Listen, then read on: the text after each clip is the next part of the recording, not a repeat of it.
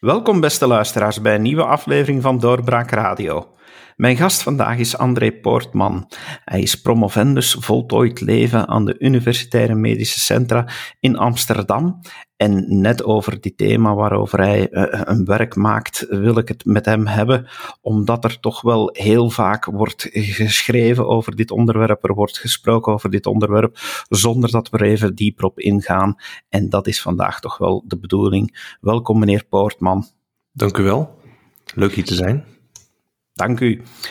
Voltooid leven is een begrip dat iedereen wel al ergens heeft uh, horen gebruiken, maar hoe moeten we het eigenlijk definiëren? Wat, wat beschouwt u als zijnde voltooid leven? Dat is meteen een hele lastige vraag, omdat uh, uit meerdere onderzoeken blijkt ook wel dat dat begrip heel lastig te definiëren valt. Um, dus heel vroeger heette het misschien in de jaren negentig, toen die discussie wat speelde, heette het misschien eerder levensmoeheid of klaar met leven. En de Nederlandse Artsenfederatie die, uh, die heeft ook wel gesproken van lijden aan het leven. En eigenlijk vooral vanaf het burgerinitiatief in 2010 wordt er gesproken over een voltooid leven. Uh, en de kritiek op die term is wel dat het ook wat triomfantelijk uh, kan klinken. En misschien wat een te positieve bijklank heeft. Hè, van mijn leven is voltooid en op het hoogtepunt wil ik er graag uit. Terwijl, zoals het nu lijkt, gaat het toch vaak ook wel lijden mee gepaard. Eenzaamheid of piekeren of, of, of andere vormen van lijden. Dus om nou echt te zeggen van wat is nou vol, voltooid leven, dat is best een lastige vraag. En dat, dat is, uh, de meningen waaien enorm uit als het daarover gaat. Ja, want een vraag die ik dan bijvoorbeeld heb is, voltooid leven, is dat niet een... En ik probeer voorzichtig te zijn in mijn bewoording om niemand te kwetsen, maar is dat niet altijd ergens een vorm van, een, van depressie of zo? Van, van oké, okay, het hoeft allemaal niet meer, ik zie het niet meer zitten.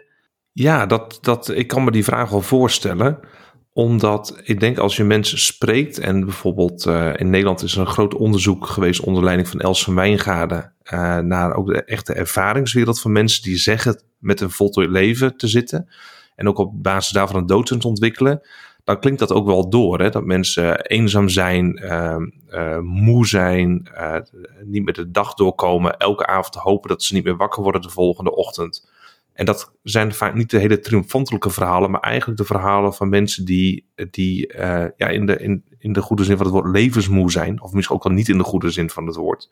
Wij zeggen van ja, mijn leven is klaar, het is voltooid. Ik zou eigenlijk liever willen dat het ophoudt. En kijk, ik ben geen psychiater, maar ik weet dat er onderzoeken zijn waarbij ook gesteld wordt dat depressie bij ouderen ook wel um, onderschat is. Dus dat er, dat er vaker sprake is van een klinische depressie die ook te behandelen is bij ouderen dan er nu van wordt uitgegaan, omdat het dan misschien ook al te snel levensmoeheid wordt genoemd. Terwijl het misschien een, een psychische aandoening is waar ook wat aan te doen zou zijn met medicijn of met een therapie. Wat is eigenlijk net specifiek wat u, wat u onderzoekt? Wat, wat is het deelgebied van uw onderzoeksthema?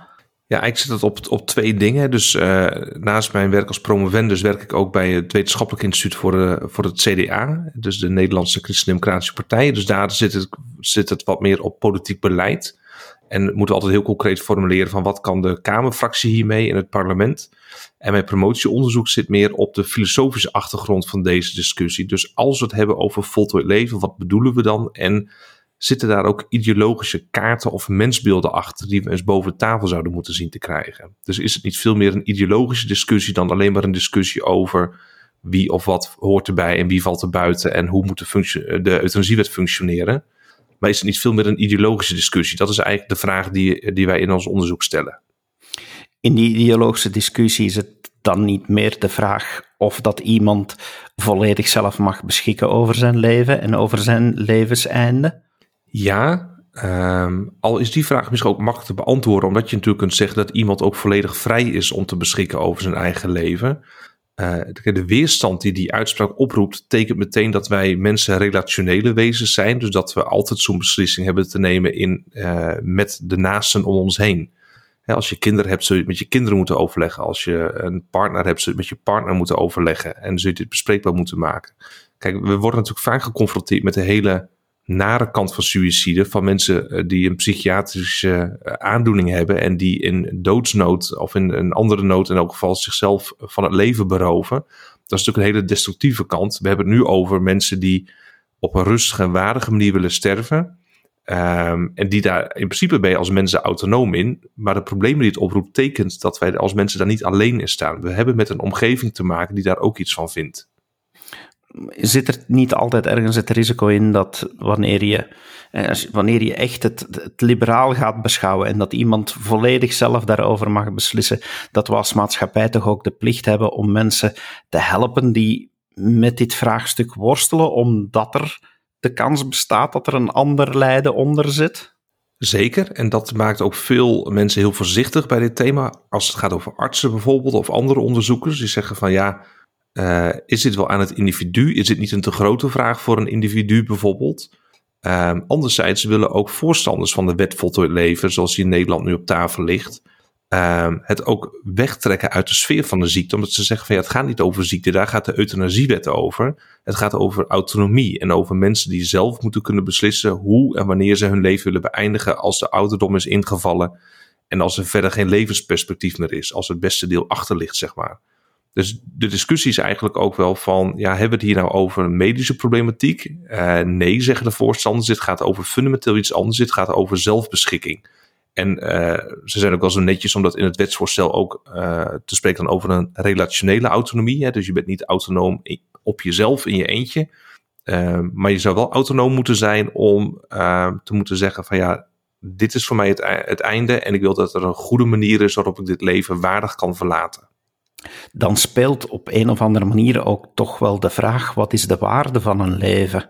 Ja, dat is een, dat is een hele zinvolle vraag, wat mij betreft, omdat voltooid leven eigenlijk um, uh, ook dat problematiseert. Hè? Dus, dus je hebt eigenlijk, het, het grijpt in op de wet natuurlijk, hè? er moet een wetsverandering komen, maar het grijpt ook in op het medisch discours, want nu is euthanasie uh, altijd binnen het medisch discours. Maar het stelt natuurlijk ook vragen uh, rondom de ethiek en de filosofie. Van wat is het leven en wat is de waarde van het leven? En als het leven in mijn individuele ogen geen waarde meer heeft, is het dan ook voor anderen niet meer waardevol? Of uh, ben ik dan inderdaad helemaal vrij om te beëindigen? Of speelt de biologie daar ook een rol in? Dat zolang het leven biologisch niet voltooid is, dat ik daar ook weinig van te vinden heb, bijvoorbeeld, hè, als individu.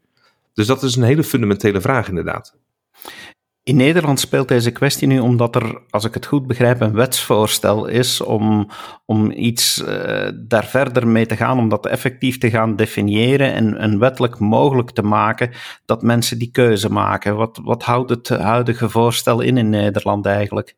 Ja, dat voorstel is gebaseerd op een burgerinitiatief uit 2010. Toen heeft een uh, initiatiefgroep uit Vrije Wil, heette die groep, met enkele Nederlandse prominenten een initiatief in het leven geroepen om dit eh, mogelijk te maken. Dus mensen die nu buiten de euthanasiewet vallen, omdat ze wel oud zijn, maar nog niet ziek. Dus er is geen medische oorzaak van hun doodswens.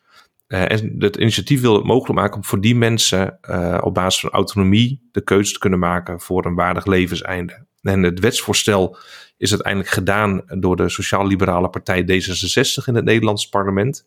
Uh, eerst in 2016 is er een conceptwetsvoorstel gekomen en in 2020 een definitief wetsvoorstel. Het pikante is dat het wetsvoorstel twee keer is gevolgd op een kritisch rapport. Eerst van de commissie Snabel in 2016. De commissie die in opdracht van de overheid het thema heeft onderzocht en heeft gezegd: ja, eigenlijk is er geen aanleiding om de wet te veranderen. Vervolgens kwam D66 met een conceptwetsvoorstel. Uh, en in 2020 is er een groot onderzoek, het perspectiefonderzoek heet dat gedaan, ook in opdracht van de Nederlandse uh, regering. Uh, om vooral de doelgroep te bekijken. Wie zijn die ouderen? Wat zijn de cijfers? En daar kwam uit van ja, het is wel heel lastig om die groep te definiëren. Het is lastig om hun doodswens in kaart te brengen, omdat het zo heterogeen is allemaal. Uh, en ook toen is D66 met een wetsvoorstel gekomen om het definitief te maken. En het wetsvoorstel wil inderdaad precies dat. Dus naast de euthanasiewet die gaat over zieke mensen. Een wet rondom hulp en zelfdoding. Die gaat over gezonde mensen van 75 jaar en ouder. Die uh, hun leven voltooid achter, geen levensperspectief meer zien. Uh, geen zin meer ervaren in hun leven. En daarom op een waardige manier het leven willen verlaten. En omdat hulp en zelfdoding strafbaar is in Nederland, volgens mij ook in België. Uh, zal daar een wettelijke regeling voor moeten komen om dat op een legale manier mogelijk te maken. En je ziet nu wel eens dat er wat ehm, uh, in de marge wordt, ge, uh, nou ja, niet gesjoemeld wil ik zeggen, maar dat er wat grenzen worden opgezocht, bijvoorbeeld met levenseindenbegeleiders of uh, consultanten, consultants moet ik zeggen, die ehm, mensen daarbij helpen, advies geven rondom medicijnen of daar ook verder in gaan. Um, Maar dat, dat zou dus in, in principe voor, de, voor de, de initiatiefneemsters van de wet en voor de, de indieners van het burgerinitiatief gewoon gelegaliseerd moeten kunnen worden. Hoe staat de discussie momenteel in Nederland? Uh, heeft D66 heel wat medestanders om, om hier effectief een wet van te maken? Of uh, heerst er toch echt discussie hierover? Ja, er is een enorme discussie. Dus uh, je ziet dat veel politieke partijen wel daarin mee zullen gaan met het wetsvoorstel van D66. ook heel veel partijen niet. Bijvoorbeeld de meer conventionele christelijke partijen. Ook het, de partij waar ik voor werk, het CDA, heeft daar heel veel moeite mee. Um, dus die discussie is nog lang niet beslecht. En je ziet ook vooral dat heel veel uh, beroepsorganisaties tegen het wetsvoorstel zijn. Bijvoorbeeld de Artsenfederatie heeft er zorgen bij. De Organisatie van Verpleegkundigen, de Organisatie van Psychologen, Psychiaters. Uh, al die beroepsgroepen die geven aan dat ze grote moeite hebben met dit voorstel. Ehm en ook de verschillende onderzoeken laten overigens zien dat het, dat het best wel dubieus is. Dus die discussie is in elk geval maatschappelijk gezien nog absoluut niet beslecht. En politiek gezien is het spannend, omdat de partij D66 op dit moment uh, betrokken is bij de onderhandelingen over een nieuwe regering. En dit best wel tot een speerpunt ook heeft verklaard. En op basis daarvan ook al partijen aan het uitsluiten is. Van die partijen gaan er sowieso niet in mee. Daar willen we ook niet mee regeren.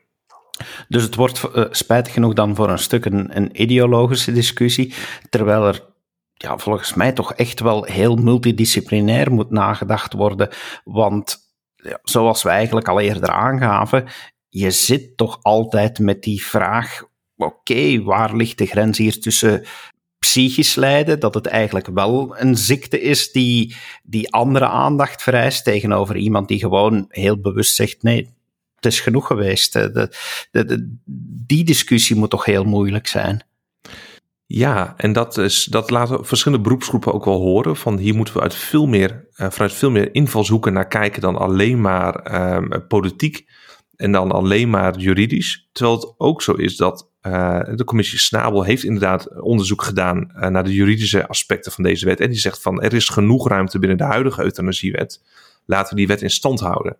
er zijn inderdaad psychiaters die zeggen van moeten we niet allereerst met de psychiatrische bril naar de problematiek van ouderen kijken die hun leven uh, voltooid achten. En er is natuurlijk wel iets voor te zeggen, want wat, je hebt nu de leeftijdsgrens op 75 jaar. Vanaf 75 jaar zou je zo'n uh, doodswens mogen ventileren. En daar dan zou je dan volgens dit wetsvoorstel bij geholpen kunnen worden. Maar wat is nou het verschil tussen iemand met een doodswens van 70 en 75, of van 65 en van 75, of zelfs van 30 jaar oud en 75? Hè? Dus op het moment dat je 75 wordt, zou dan die doodswens een andere invulling kunnen krijgen op basis van de leeftijd. Dat is natuurlijk een rare en ook wel de reden waarom sommige organisaties zeggen van ja, moeten we niet die leeftijdsgrens helemaal loslaten? En ergens moet je zeggen, ja, dan ben je consequent. Als je zegt van de mensen mogen zelf beslissen wanneer ze het leven verlaten, ja, dan zou die leeftijdsgrens niet zo toe moeten doen. En ik begrijp die leeftijdsgrens wel, want ze willen natuurlijk zeggen van ja, iemand van 20 die dood wil, die heeft een, uh, daar is een psychiatrisch iets aan de hand. En die kan hulp krijgen. En bij een ouder zal het mag je verwachten dat het misschien meer overwogen is en andere oorzaken heeft. Maar het, het is wel een fundamentele vraag. Wat betekent, wat verandert er aan de doodsens op het moment dat we ouder worden? Is daar wel een verandering? En kunnen we wel zomaar zeggen van vanaf 75 jaar ben je wel gerechtigd om die vraag op een goede manier te stellen? Ik zit me dan vaak ook af te vragen, heeft het ook niet ergens een, iets in zich dat we als maatschappij falen om mensen die ouder, in dit voorbeeld ouder dan 75 worden, om die nog een waardige plaats te geven in onze samenleving? Ja, dat is een goede vraag. Kijk, ik, ik merk bij de politiek wel eens een hele wat activistische reflex. Hè? Die zeggen van uh, als mensen eenzaam zijn, dan moeten we eenzaamheid bestrijden. Of we moeten zorgen dat mensen beter kunnen participeren op de arbeidsmarkt. Of dat er voor ouderen meer ruimte is in de samenleving. Dat is, uh, dat is aan de ene kant heel goed. Hè? Eenzaamheid um, is een groot probleem in onze tijd. En ook vaak uh, zou dat bestreden kunnen worden. Tegelijkertijd moet je denk ik ook rekenschap geven van dat de ouderdom met hele existentiële vragen komt. Bijvoorbeeld, oud worden is per definitie iets eenzaams, omdat je afstand neemt van het leven. Je komt aan de zijlijn te staan, je lichaam wil niet meer, je geest wil misschien ook niet meer. Uh, uit onderzoeken blijkt dat mensen die hebben nog wel behoefte aan contact met mensen, maar kunnen het vaak ook al niet meer aan. Dus die trekken zichzelf terug, gaan niet meer naar verjaardagen toe zijn wel moe als er visite een half uur lang is geweest. Uh, maar goed, het alternatief is dan een hele dag alleen zitten. Dus we zullen ook iets moeten met. Ik, ik, denk dat het goed is om na te denken over hoe kunnen ouderen een volwaardige plek hebben in onze samenleving. Maar de vraag die we ons als samenleving ook moeten stellen is: hoe gaan we om met ouderen die niet meer die plek in de samenleving kunnen hebben? En die juist een beroep doen op, het, op ons zorgende vermogen als samenleving. Hè? Die dus niet meer kunnen participeren. Hoe gaan we daar als samenleving mee om? Dat is misschien wel een veel fundamentelere vraag. Het gevaar is namelijk dat we de ouderen toch een beetje vanuit het ideaal van de jeugd beschouwen. Dus wij jongeren zijn vitaal. Um, en, en, wij kunnen ons niet voorstellen dat je niet zou willen werken of dat je niet in het centrum van, van, van je leven zou willen staan. Maar voor een oudere kan dat anders liggen. Hè? Die kan al bewust in het afscheid nemen uh, traject bezig zijn van het leven. En ik denk dat de vraag veel fundamenteler is: hoe geven we die mensen een plek in de samenleving? En hoe zorgen we ervoor dat die mensen zich niet overbodig voelen en dat die ook ruimte voelen om de levensfase op die manier in te gaan en af te sluiten? Dit is een discussie die inderdaad gaat over, over ouderen, 75-plussers. Wanneer we praten over ouderen, wordt er dan ook gepraat met ouderen? Zijn seniorenorganisaties betrokken in heel deze discussie in Nederland?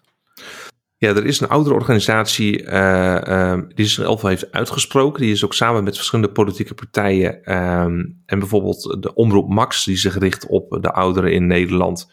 Uh, ook hebben ze een manifest gelanceerd in 2017 als reactie op het wetsvoorstel. En ook weer in 2020, uh, eind 2020, in verband met corona. En eigenlijk was hun standpunt van laten we eerst zorgen dat we uh, de redenen van een voltooid leven voorkomen voordat we debat erover voeren. Dus laten we eerst kijken naar hoe gaan we met ouderen om. Dat is veelzeggend. Uh, terwijl ook de eerlijkheid gebied te zeggen dat de doelgroep ouderen zelf wel bij het wetsvoorstel of bij het initiatief burgerinitiatief wel van betrokken is geweest. Hè. Dat waren geen jongeren, dat waren mensen van, ik ken ze niet allemaal, maar heel van 70 plus als ik, uh, als ik ze goed taxeer. Uh, maar de vraag is natuurlijk, hè, eh, een van de, van de uh, initiatiefnemers was bijvoorbeeld Mies Bouwman, een bekende Nederlandse tv-presentatrice. En die zei ook van, ik zou er zelf nooit gebruik van willen maken, zegt ze in een interview, maar ik vind wel dat het geregeld moet worden. En daar ontstaan een beetje twee lagen van, is het nou puur een emancipatiebeweging van dit laatste uh, stukje dat nog open ligt na de euthanasiewet moet ook um, volvoerd worden? Um, of zeggen we van nee, we, sluiten aan bij de problematiek van de mensen. En da daar lijkt het wel eens wat scheef te gaan. Hè? Is het nou echt een politieke, een heel politiek construct van ja, wij moeten deze laatste emancipatieslag nog maken? Of sluit het echt aan bij de leefwereld van de ouderen? En als ik de onderzoeken eerlijk lees, en vooral het grote onderzoek dat Elsen Wijngaarden in 2016 heeft afgerond naar de ervaringswereld van de ouderen, dan zou ik zeggen dat, er, um, dat de ouderen zelf aan iets anders behoefte heeft dan aan een voltooid levenwet. En ook het perspectiefonderzoek uh, dat gepresenteerd is in 2020 laat dat zien. Van er ligt veel vaker lijden aan de grondslag dan een triomfantelijk idee van een voltooid leven en mensen die een beroep willen doen op hun autonomie. Het is veel meer van, ik leid aan het leven, ik wil er hulp bij krijgen en dan maar de dood. En dan dat mensen zeggen van, nou ik zit nu echt op het hoogtepunt, nu moet ik stoppen, want het gaat vanaf hier alleen maar bergafwaarts. Dat triomfantelijke idee kom je eigenlijk niet tegen. Nee, ik heb uh, behoorlijk wat zitten uh, googlen over dit thema. En gelukkig in Nederland vind je, uh, vind je er behoorlijk wat materialen over. inderdaad, wat studies gedaan. Maar ik heb de indruk dat de studies die, die voornamelijk vanuit psychiatrische inslag komen. En mensen die, die, in, die, die gaan kijken ook naar wat zit hier achter die doodswens. Dat, dat daar toch heel veel vraagtekens worden bijgeplaatst. En, en dat net die beroepsgroep oproept om voorzichtig te zijn in deze discussie. Uh, ook omdat die doodswens blijkbaar niet altijd even vaststaand is, maar, maar zelfs veranderlijk blijkt doorheen de tijd. Ja, zeker. En dat is voor psychiaters ook altijd wel een ding, omdat um, ik spreek ook wel psychiaters die gewoon moeite hebben met euthanasie bij psychiatrische patiënten, omdat anders dan bij een, iemand die fysiek lijdt en die bijvoorbeeld terminaal is, waarbij je weet dat de dood binnen afzienbare tijd zijn intrede zal doen, is bij de meeste psychiatrische ziektes niet het geval. En dus je hebt dan altijd het uh, blijven zitten met het gevoel van ja, had hier niet nog meer aan gedaan kunnen worden. En ik kan me heel goed voorstellen dat een psychiater wel besluit tot euthanasie. Maar ik kan me ook voorstellen dat die overweging altijd anders is dan, een, uh, dan voor een arts in een ziekenhuis die met een terminale patiënt bezig is. En als je natuurlijk bij ouderen psychiatrische problematiek vermoedt, kan ik me ook voorstellen dat het voor psychiaters tot voorzichtigheid noopt. Zeg maar, wees nou heel voorzichtig met die doodswens en onderzoek wat er nou precies achter die doodswens zit. Um, en inderdaad, het perspectiefonderzoek, uh, misschien dat je daar ook naar verwijst, uh, want dat is online te vinden, dat laat zien dat de doodswens uh, veranderlijk is. complex is. Ehm, en dat er ook niet de doodswens van ouderen bestaat, hè, maar dat het een hele heterogene groep is die met hele verschillende, om, vanwege heel verschillende redenen tot die doodswens komt. Waarvan ook nog eens een best wel groot deel zegt van ja, eigenlijk heb ik mijn hele leven al een doodswens gehad. En dat maakt natuurlijk de taxatie van de actuele doodswens, op het moment dat mensen ouder zijn geworden, wel anders. Van wat zit daarachter dat mensen eigenlijk hun hele leven al met een doodswens hebben geworsteld. Uh, is dat inderdaad uh, is dat de doodswens waarover we het hebben in het geval van een voltooid leven? Dus er zijn veel vragen bij te stellen. Ja, die discussie wordt die in Nederland heel breed gedragen? Is daar, is daar een heel maatschappelijk debat bij betrokken? Of uh, zit dit nu puur uh, in het academische en politieke wereldje? Nee, ik heb het gevoel, het is nu wat uh, maatschappelijk gezien wat rustig. Dat, dat kan ik ook afleiden aan het aantal uitnodigingen bijvoorbeeld dat je krijgt om erover te spreken. Dat was in 2017 en 18 was dat wat meer maatschappelijk gezien. Um, tegelijk heb ik daar ook niet helemaal zicht op. Maar we hebben bijvoorbeeld rondom uh, medisch-ethische problemen aan het begin van het leven. Hebben we echt maatschappelijke dialogen zijn daar geïnitieerd door de overheid. Dat is aan het eind van het, met de problematiek aan het eind van het leven nog niet het geval.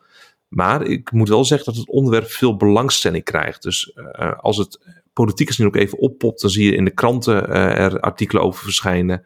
Je ziet nu in de kabinetsformatie dat het een thema is. En ook op het CDA-congres waar ik was van mijn eigen partij, is er een resolutie aangenomen op dat congres om um, leven niet te steunen. Dus om, om, om daar ook als partijen tegen uit te spreken.